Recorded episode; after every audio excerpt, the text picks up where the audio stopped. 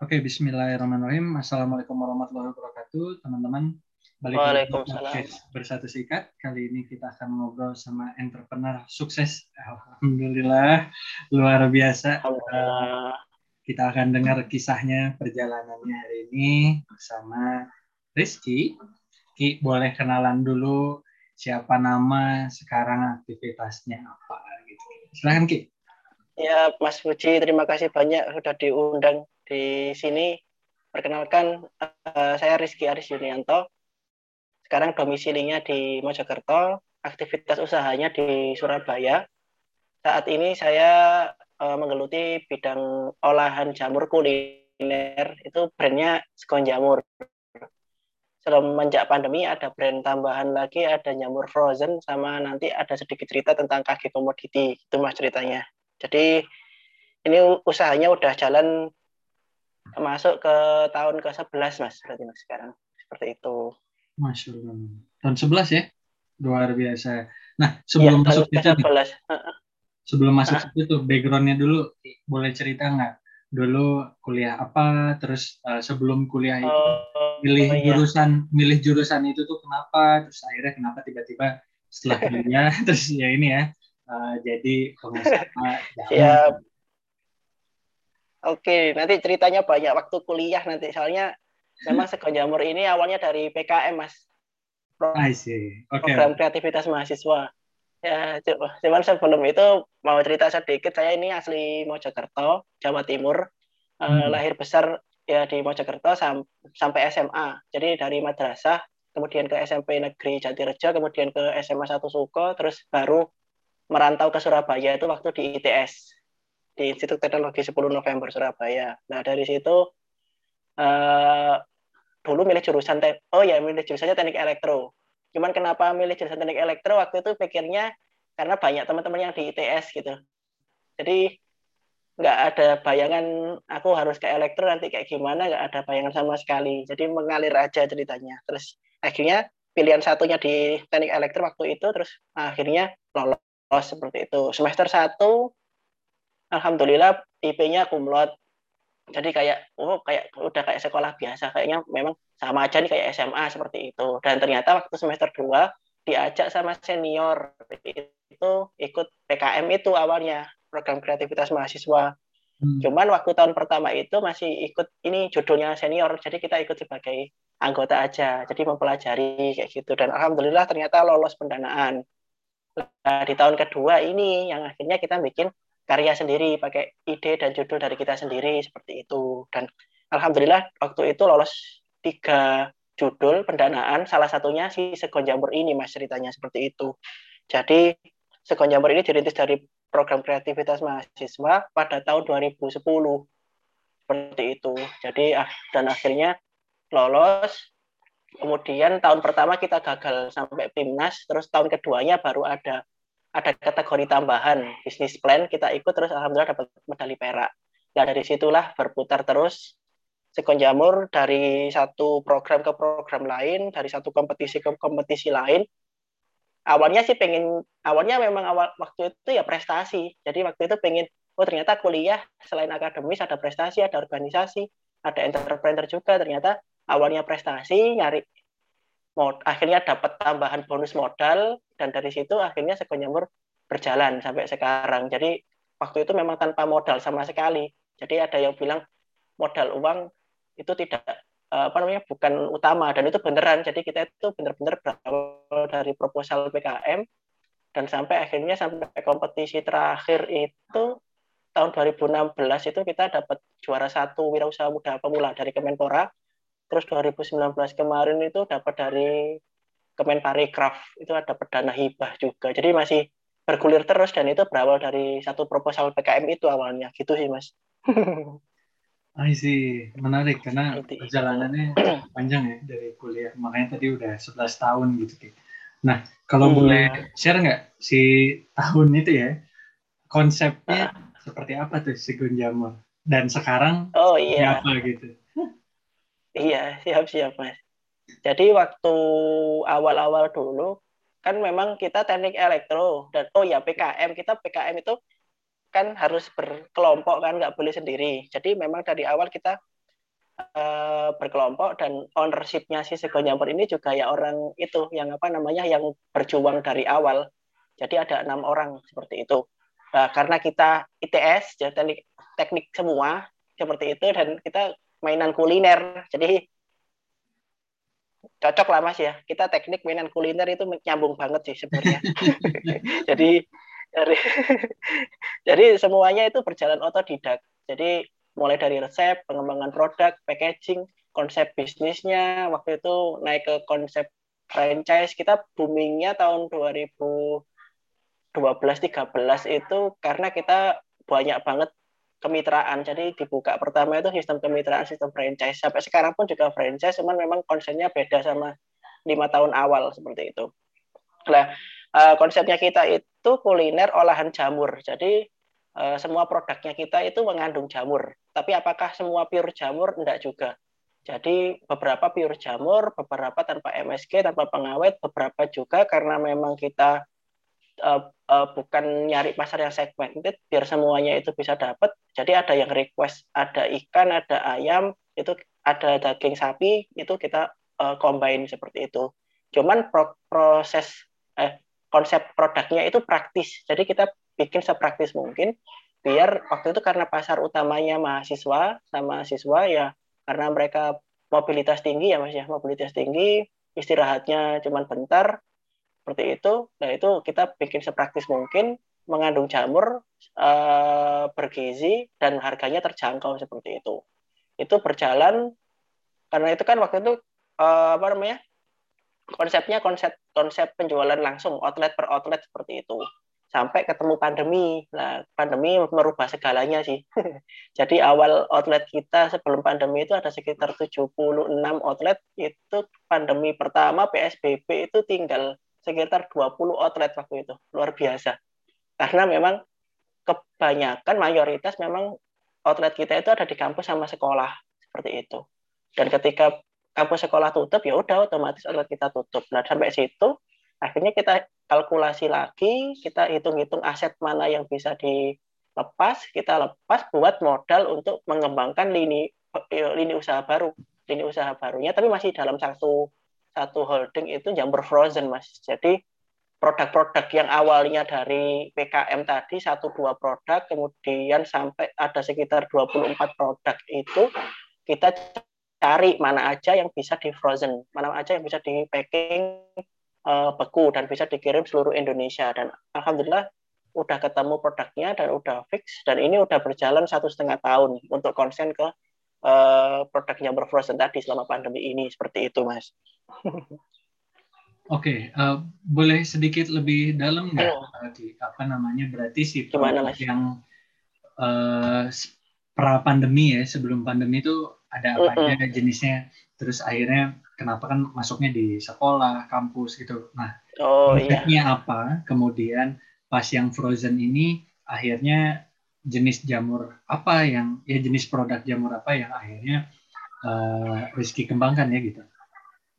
Oke, siap Mas. Jadi awal waktu PKM itu itu kita konsennya ke jamur tiram.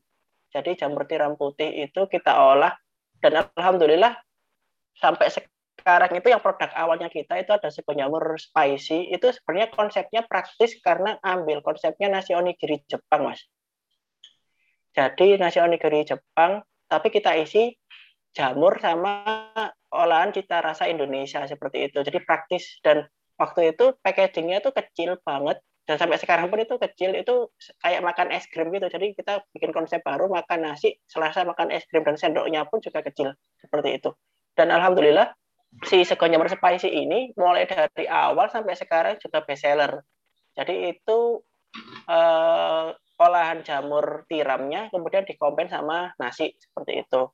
Kemudian seiring berjalannya waktu di tahun 2011 akhir itu kita bikin itu tadi kan kita awal 2010 setelah itu mulai ada request uh, kenapa nggak bikin bakso jamur kenapa nggak bikin pentol jamur seperti itulah dari situ mulai masuk uh, kombinasi jamur lain itu ada jamur kuping.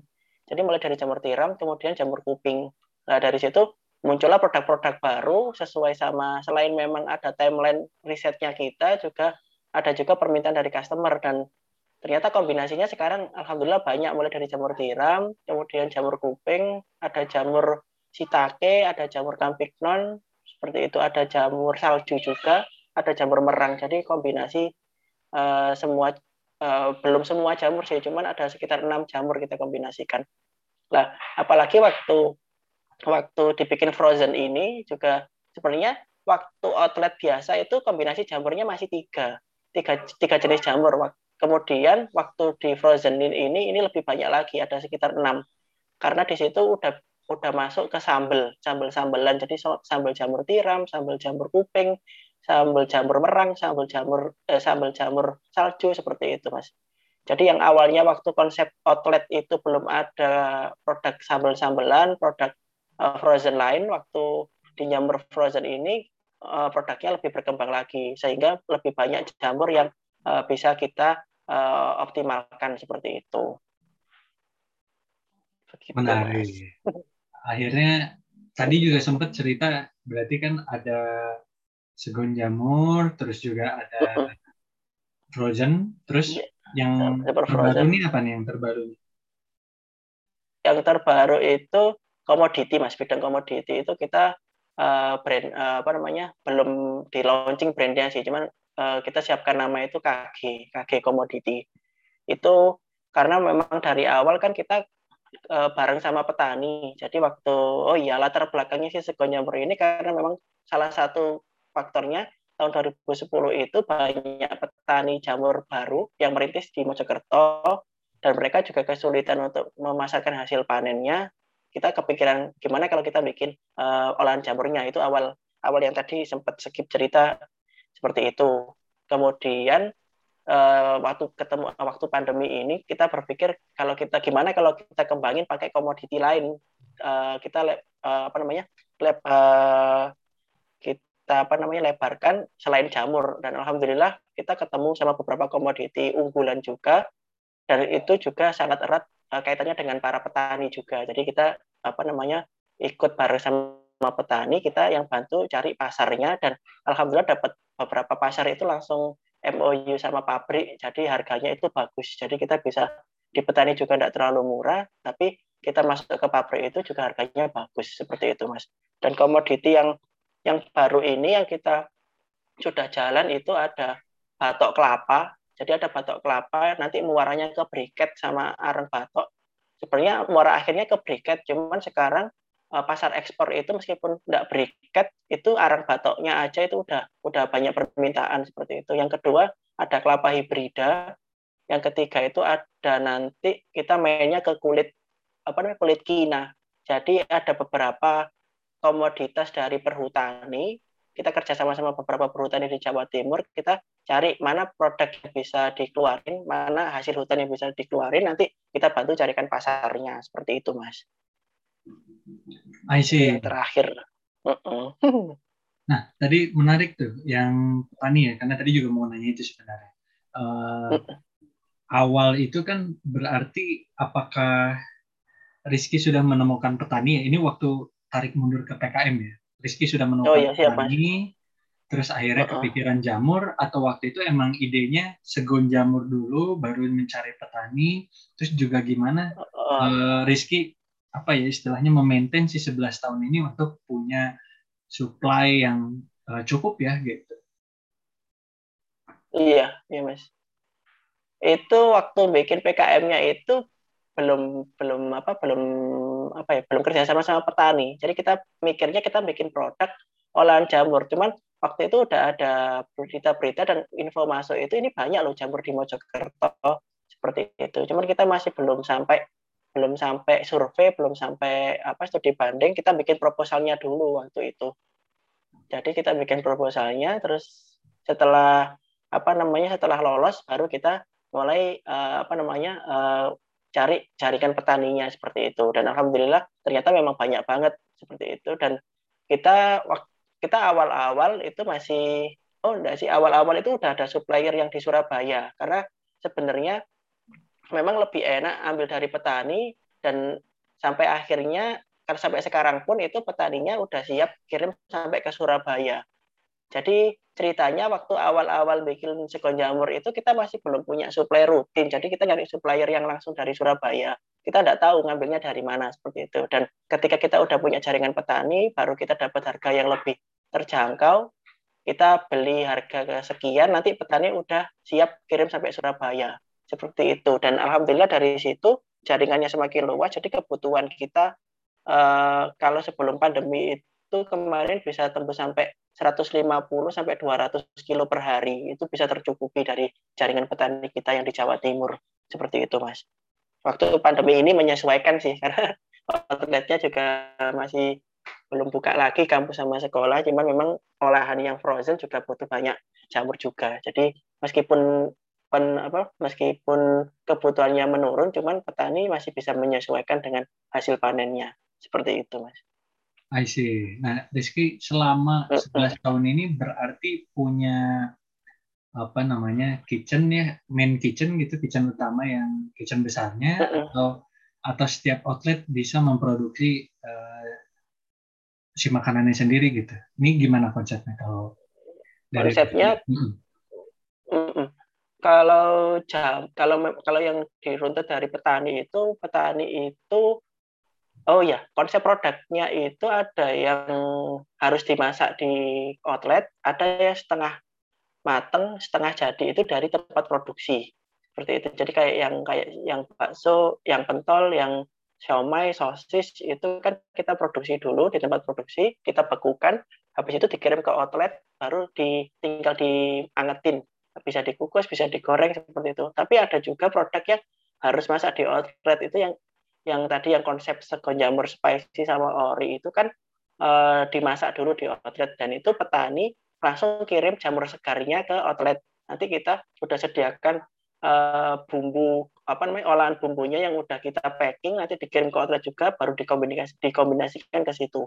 Tapi petani juga kirim ke tempat produksinya kita karena beberapa produk itu perlu diolah dulu di main kitchen tadi yang disebut Mas Puji tadi. Jadi memang kita konsepnya ada tempat produksi utama, produk setengah jadi sama produk kering kita kirim ke outlet untuk diolah. Ada yang diolah harus dari awal, mulai dari mencuci produk, mencuci bahan, terus di apa namanya dirajang, kemudian digoreng itu di outlet. Ada juga yang tinggal ngangetin aja. Konsepnya seperti itu. Dan konsep yang tinggal ngangetin aja di outlet itu yang yang cikal bakalnya di apa di dikirim langsung ke customer dan itu yang cikal bakalnya si jamur frozen tadi. Jadi jamur frozen itu cost customer itu dapat produk setengah jadinya kita nanti di outlet di apa di rumah masing-masing tinggal dipanasin seperti itu mas. Oke. Nah menarik juga ki yang tadi ya agak mundur dikit ke iya. petani ya. Uh, yang oh, iya, pertama komoditi dan juga uh, termasuk petani jamur juga kan sebenarnya tadi bahasanya Rizky kan istilahnya membantukan mereka mencari market gitu ya. Nah, iya, sebenarnya ya, betul, mas, betul. sebenarnya uh, kalau kita ngomongin konsep itu gimana sih cara mencari market yang tepat ya? Mungkin teman-teman di sini juga kan ada yang punya potensi apa gitu ya sumber daya alam, punya potensi betul, betul. istilahnya gimana ya cara mencari market? Karena kan Rizky juga uh, membuat Senggon Jamurnya ini apa franchise gitu berarti partneran sama orang gitu ya. Betul ya? Berarti terus iya. nah gimana nih berapa yang Rizky kelola terus juga ada yang uh, mitra-mitra juga berapa yang mitra kelola gitu. Nah ini kan uh, apa ya salah satu strategi juga Rizky mencarikan market ya atau mengembangkan si market nah, boleh iya. nggak yang tentang betul mas. Iya. Kalau kalau yang segon jamur itu memang kita apa ya konsep produk baru. Kalau kalau benar-benar baru enggak. Karena memang kita uh, adopsi dari nasi onigiri Jepang tadi. Cuman memang itu benar-benar bentuk market yang baru. Waktu itu tahun 2010 dan komoditas jamur yang awalnya mayoritas untuk jamur crispy atau untuk sup jamur kita bikin lebih banyak lagi. Dan konsep yang onigiri itu memang perjuangannya lumayan berat. Karena kita harus ngenalin ke masyarakat. Waktu itu memang dari Surabaya di masyarakat Surabaya dari pameran ke pameran seperti itu ngenalin ini jamur boleh kok dimakan dan bisa kok dimasak seperti ini seperti itu Dan kalau yang dari Sego Jamur sendiri itu berkembangnya outlet per outlet sampai ke kemitraan sampai ke franchise. Waktu itu sebelum pandemi total ada 76 outlet itu 36 milik pusat, 40-nya milik mitra seperti itu.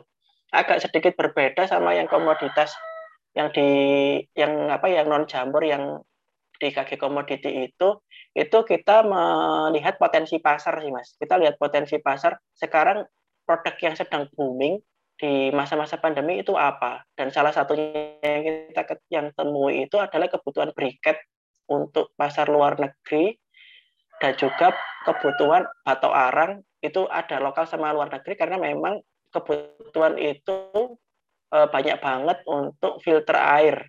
Jadi banyak banyak dibutuhkan untuk filter uh, filtrasi air seperti itu. Kemudian kebutuhan kelapa itu juga banyak banget karena sekarang udah banyak uh, udah apa mulai banyak dikembangkan itu biodiesel. Jadi kebutuhan minyak itu nanti uh, ini contoh paling gampang itu uh, salah satu pabrik mitranya kita itu butuh banyak ini minyak minyak jelantah minyak apa minyak sisa produksi dan itu kan awal muaranya kan dari kelapa kelapa sama kelapa kelapa apa nih kelapa buah sama kelapa sawit. Dan dari situ kita petakan kebutuhan pasar yang besar banget. Itu sebenarnya muara komoditinya di mana sih? Sampai akhirnya kita ketemu di kelapa kelapa hibrida sama kelapa biasa dan juga batok kelapa. Kemudian kita susur sampai petani mana yang uh, siap menyediakan menyediakan ini dalam jumlah banyak. Kalau kelapa itu masih masih banyak banyak banget ininya petaninya. Nah, yang menarik itu yang batok kelapa. Batok kelapa itu memang kan muaranya dari kelapa. Cuman kita ngitung misal satu truk satu truk uh, kelapa, itu total uh, sekitar tujuh ton itu itu nanti batok kelapanya misalnya sekitar satu ton satu ton sekian seperti itu. Dan karena komoditinya ini langka karena apa susah bukannya susah dicari cuman memang jumlahnya sedikit lah ini yang uh, membuat kita uh, berjalan bagus. Karena memang kita punya komoditi yang langka itu dan kebutuhan pasar sangat banyak. Nah itu tadi salah satu caranya ya selain memang kita menciptakan pasar baru yang dari konsepnya segonyamur tadi atau kita melihat pasar yang memang existing ada tapi kebutuhan mana yang paling banyak dibutuhkan. Dan kita cari muaranya sampai ke petani. Dan alhamdulillah untuk jaringan kelapa sama jaringan batok kelapanya sendiri itu kita uh, udah ketemu sampai petani uh, langsung ke petaninya seperti itu mas dan dan petaninya juga seneng karena memang mereka udah apa namanya udah nggak bingung ketika saya punya kelapa saya ketika saya punya uh, batok kelapa itu udah siap diambil seperti itu. I see. Begitu mas. Menarik menarik. Jadi menarik juga pas obrolan tadi tentang franchise ya di mana si oh, iya, siap, mas. pusat punya 36 ya kalau nggak salah tadi franchise sih uh -huh. punya 40 nih gitu. Nah, gimana sih iya, prosesnya? Betul. Apakah mereka ada biaya awal dulu terus juga gimana sih oh, iya. dan juga gimana Rizky memaintain ini 70 ya semua uh, harus iya. maintain kualitinya sama pelayanan sama gitu ya kan karena ini menyangkut uh, brandnya Sekun Jamur juga gitu. Nah itu gimana tuh dari awal uh, iya, menemukan mitra, terus bagaimana mereka menjadi mitra, terus bagaimana menjaga si mitranya gitu. Oke siap mas. Itu awal awal itu kita punya empat outlet. Jadi waktu awal PKM itu punya empat outlet dan alhamdulillah memang progresnya bagus banget dan mulai ada ketertarikan awalnya dari teman sendiri mas. Ada teman sendiri pengen buka aku pengen buka di sini dong. Gimana caranya? Waktu itu belum kita resmikan franchise-nya cuman kemitraan itu jalan. Sampai akhirnya kita ketemu konsepnya ya hampir sama dengan franchise yang lain. Jadi ada investasi awal ada investasi awal nanti nilai yang dikeluarkan eh, sama si franchise itu nanti kita rupakan. Ada bentuk bootnya kemudian peralatan bahan baku supply media marketing dan sebagainya. Kemudian ada politik kontrol juga dan memang uh, ada plus minus juga sih yang kita rasakan. Memang selain perkembangan yang bisa begitu cepat seperti itu karena memang uh, waktu itu waktu awal kita franchise itu masih buka harganya masih murah banget sih Mas. Kalau sekarang terakhir itu di harga 45 45 juta dan hmm. untuk selain memang perkembangannya itu cepat banget, cuman memang itu tadi tantangannya di quality control. Quality control gimana biar si produk itu dari satu outlet ke outlet lain itu rasanya tetap pelayanannya juga sama. Itu nanti ada timnya sendiri, ada supervisornya sendiri yang memantau itu. Seperti itu, Mas. Cuman memang uh, ketika memang uh, apa namanya teman-teman di sana mengembangkan dari mau di maintenance under control semua dari pusat atau franchise itu memang harus benar-benar di, diperhatikan karena memang ada plus minusnya masing-masing. Seperti itu. Tinggal tinggal mana yang lebih apa ya lebih nyaman dan lebih tenang untuk perkembangan bisnisnya mau franchise atau mau di uh, di handle sendiri dari pusat juga uh, ada plus minusnya sendiri. Dan kita merasakan kan kita menghandle 50-50 antara outlet pusat sama outlet uh, franchise itu dua hal yang sangat berbeda, cuman memang muaranya sama untuk membesarkan brand ini. Seperti itu, Mas. I see. Nah ini kan buat teman-teman nih si uh -uh. Uh, yang di sekitar Jawa Timur gitu atau mungkin nanti akhirnya tiba-tiba yang dengar nih di Jawa Tengah, Jawa Barat, semua atau di iya. Pulau Jawa gitu. Wah tertarik nih di untuk ini. Nah berarti tadi yeah. kalau terakhir tuh angka di 45 juta berarti itu fasilitas uh. yang akan diperoleh apa dan bagaimana eh dan apakah itu kontrak berapa tahun apa gimana gitu ya itu nanti ada detailingnya uh, sendiri seperti itu dan dari 70 outlet lebih itu kita udah sampai Bandung sama Jakarta juga mas sebenarnya mas hmm. jadi waktu jadi di Jogja juga ada jadi waktu kampus buka itu kayak di ITB itu di kantin di kantin dalam gitu itu ada. Kemudian di UGM juga sempat di UGM sama di apa namanya di daerah di luarnya itu juga ada seperti itu. Memang uh, seru banget sih pandemi merubah segalanya sih. Karena memang ketika kampus sama sekolahnya tutup akhirnya orang kita tutup juga. Dan itu juga plus minus juga kenapa waktu itu kita konsennya ke kampus sekolah. Kita bayangkan memang pasarnya bagus kan kampus sekolah itu mahasiswa sama mahasiswa tiap hari ya masuk gitu kan. Dan kita nggak nggak bayangin ada libur sekolah yang satu tahun lebih. Lah itu memang merubah pasar banget sih. Cuman dari situ evaluasinya uh, karena memang udah kita udah kita proyeksikan waktu itu tahun 2015 jadi lima tahun awal itu memang full ke sekolah. Kemudian mulai tahun 2015 itu udah mulai masuk ke mall ke swalayan swalayan supermarket seperti itu. Dan tapi tetap aja paling banyak tetap di kampus sama sekolah. Jadi waktu pandemi itu kerasa banget seperti itu. Jadi kalau nanti pandeminya kalau memang apa namanya uh, kampus sekolah udah bisa buka lagi insya Allah ya outlet yang di dalam bisa kita hidupin lagi. Cuman kita nggak apa ya kita nggak menunggu timing itu frozennya tetap kita kejarin. Jadi buat customer yang di Jakarta di Bandung di uh, Jogja dan kota-kota besar lainnya. Pokoknya sejauh Bali Madura itu masih aman pengiriman. Ada beberapa kayak ke Makassar dan yang bisa di cover sama ekspedisi maksimal tiga hari itu masih bisa kita kirim. Dan banyak juga testimoni yang ini yang dulu di ITB kan? Ini yang dulu di apa namanya di UGM kan? Seperti itu. Jadi customer lamanya kita malah malah ini nostalgia dengan produknya waktu kuliah dulu karena kita udah bisa kirim ke uh, seluruh Indonesia seperti itu sih mas hmm. menarik banget di pandemi ini menarik juga tuh tadi berarti Bandung Jogja Jakarta itu iya. pengiriman produknya gimana karena kan tadi ada yang setengah matang uh. ada yang uh, harus, uh. harus apa namanya ya udah dilakukan di tempat atau gimana gitu ada yang dari, uh. nah itu gimana tuh kalau uh, yang di luar kota Surabaya nih ya di luar kota yang di outlet outlet itu itu apa namanya sama eh, penangannya sama kayak di outlet Surabaya. Jadi kita kirim ada bahan baku kering sama ada bahan baku eh, beku setengah ini setengah matangnya. Oh, seperti itu mas. Jadi kita kirim sama untuk di outlet. Kalau untuk yang ke customernya karena memang waktu pandemi outlet pada tutup ya langsung kita kirimnya setengah matangnya. Jadi nanti di outlet tinggal eh apa di customernya tinggal uh, ini apa namanya tinggal uh, menghangatkan aja dan customer customer frozen kita mayoritas juga banyak dari Bandung sama Jakarta juga. Area yang tercover sama Paxel itu itu customer kita banget sih mas. Karena Paxel kan bisa men, bisa memastikan satu, satu hari sampai seperti itu. Iya. Frozen food apalagi mereka sangat sangat terima ya. Iya. Sangat-sangat terima dan itu pinter banget sih uh, si dia pakai mengambil peluang itu yang selama ini belum diambil sama ekspedisi lain dan besar banget sekarang seperti itu. Dan... Kita masuk salah satu mitranya mereka yang di Surabaya itu yang penjualannya termasuk yang besar juga sih. Alhamdulillah. Nah, Alhamdulillah. Bagi tips juga dong. Karena kerasa apa? Nah, gimana, gimana, gimana? Kerasa banget sih mas. Kerasa banget kan dari 70 sekian outlet tinggal 20 waktu awal-awal sempat tinggal 15 juga sih.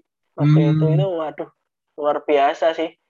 Jadi apa yang harus kita lakuin dan dan alhamdulillah memang uh, apa namanya saya sama partner itu sama saya sama kalau yang aktif ini kan kalau ya ceritanya dari waktu PKM itu kan nggak semuanya uh, full time di sini jadi waktu pada lulus semua itu beliau-beliau itu udah apa namanya uh, karena memang harus tinggal di luar kota dan sebagainya nggak bisa full time di Surabaya uh, akhirnya uh, konsentrasinya tinggal kita berdua mas. Ada dua orang saya Rizky Arisinianto sama Mas Mahendra Eka Higuita. Itu Nah itu yang ya alhamdulillah sampai sekarang uh, berjuang bareng di sini bersama dengan para karyawan yang ternyata alhamdulillah kita tidak sampai memberhentikan dan mereka tetap mau berjuang bareng sama kita.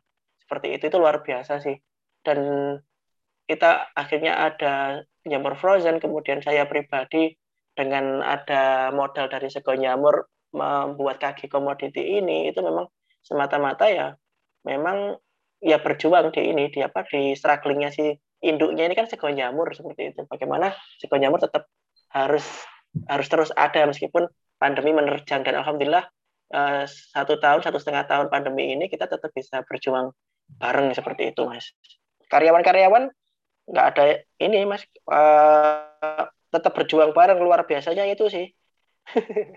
Nah menarik tuh. Apa, apa yang Rizky bilang sama karyawan ya?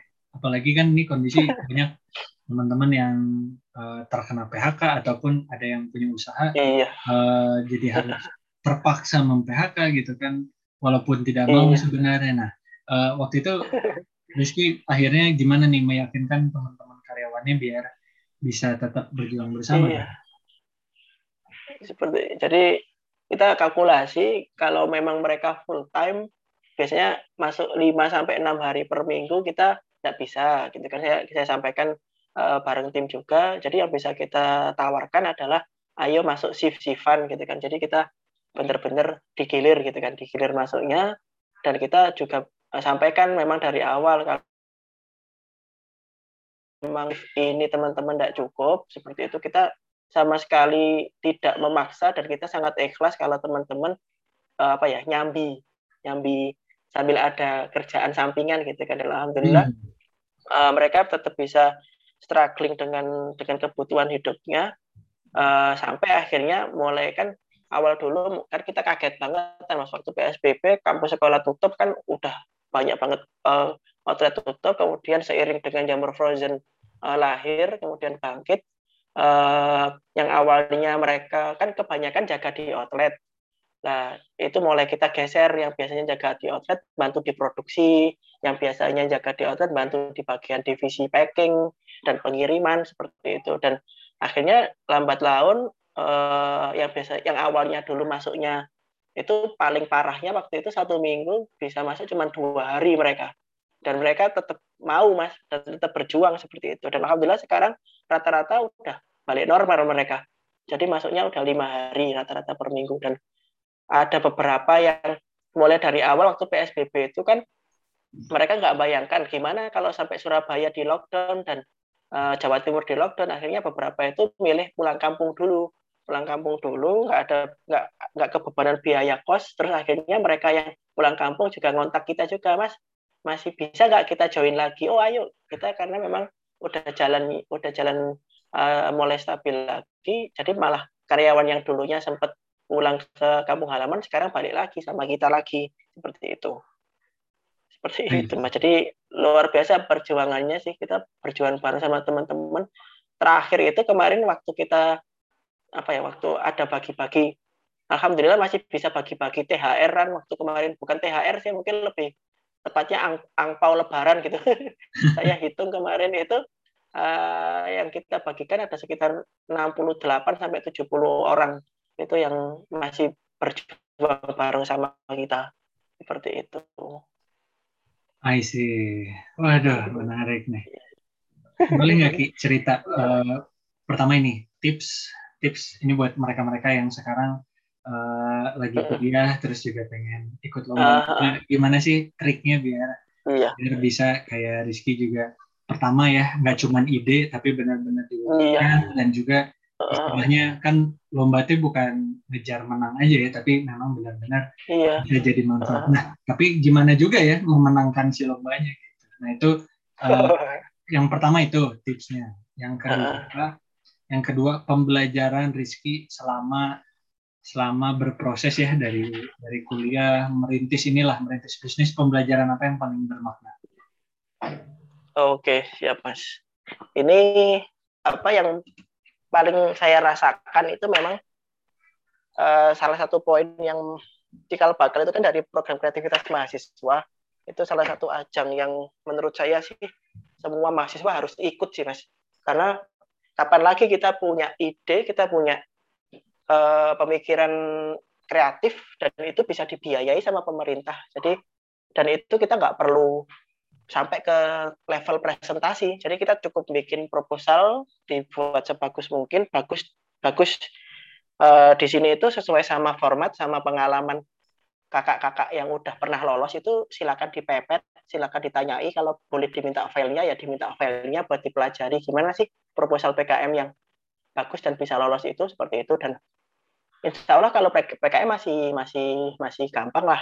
Yang penting idenya itu pure ide kreatif dan memang harusnya para mahasiswa itu punya ide-ide itu yang bisa dituangin seperti itu. Dan alhamdulillah salah satu contoh segon jamur ini awalnya dari ide PKM bisa bertahan sampai sekarang dan bisa membuka uh, lapangan pekerjaan buat uh, masyarakat uh, Indonesia, masyarakat Surabaya dan sekitar terutama seperti itu.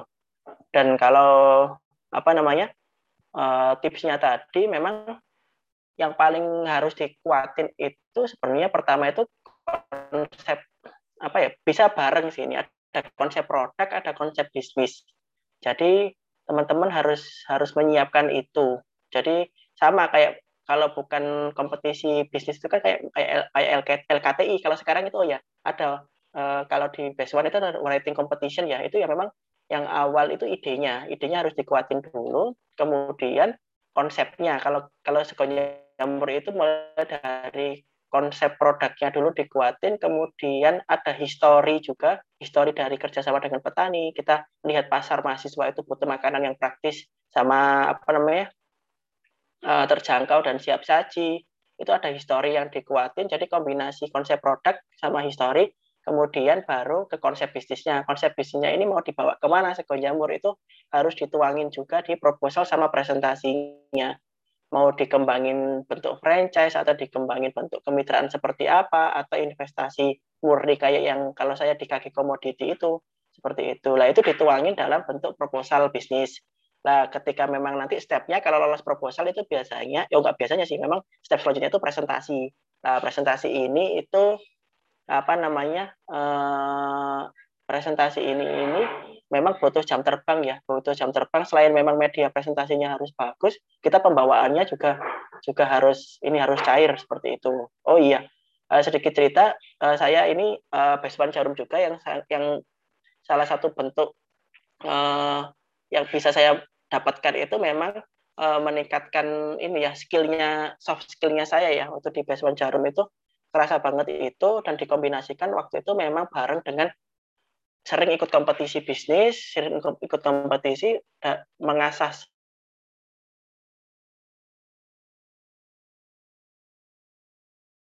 skill komunikasi dengan para investor itu sangat sangat terasa di situ.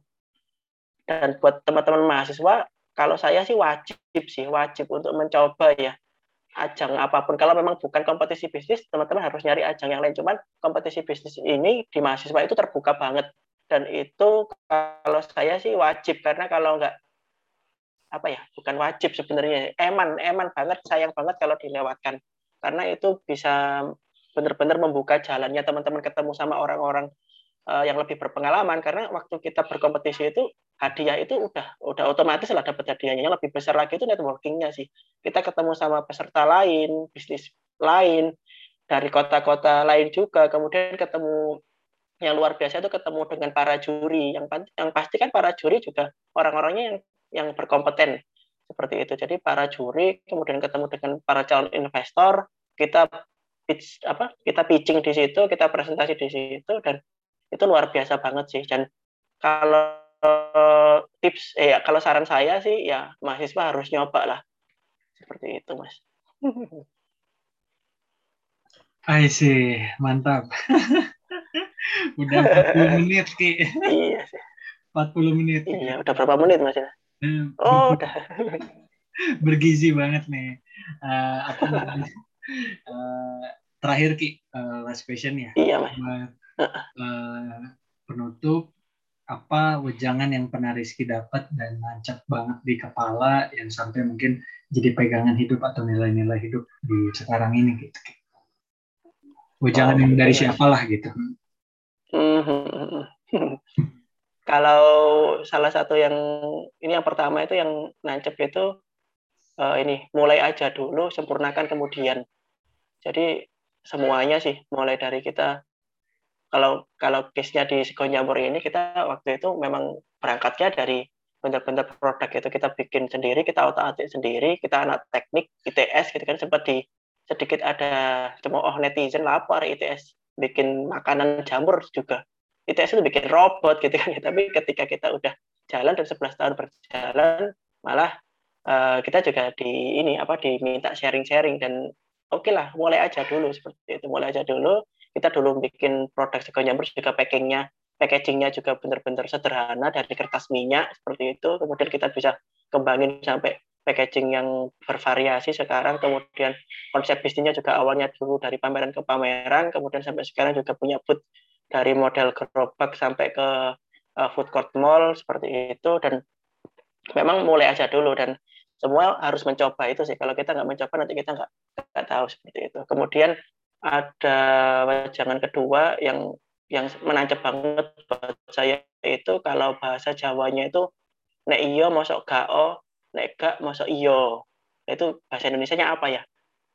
Eh bahasa Indonesia kalau mungkin kalau nek kalau ya nggak mungkin tidak kalau tidak nggak mungkin iya. Tapi itu konsep konsep menyerahkan diri ke yang maha kuasa sih karena memang semua itu udah uh, apa namanya semua kodar uh, kodar kodarnya itu udah ditentukan sama semua sama Allah sama yang di atas. Jadi tugas kita di sini yaitu uh, ikhtiar tawakal doa. Jadi memang kita manusia punya akal pikiran untuk mengusahakan semua planning semua strategi perencanaan. Tapi ketika Allah kodarullah tidak ya ya udah tidak. Ketika kodarullah iya ya nggak mungkin kita uh, enggak jadi nek iya masuk enggak nek gak masuk iya. Jadi dua konsep itu mas yang melekat banget sampai sekarang seperti itu I see. Itu yang dipakai juga ya di baju ya sekarang ya.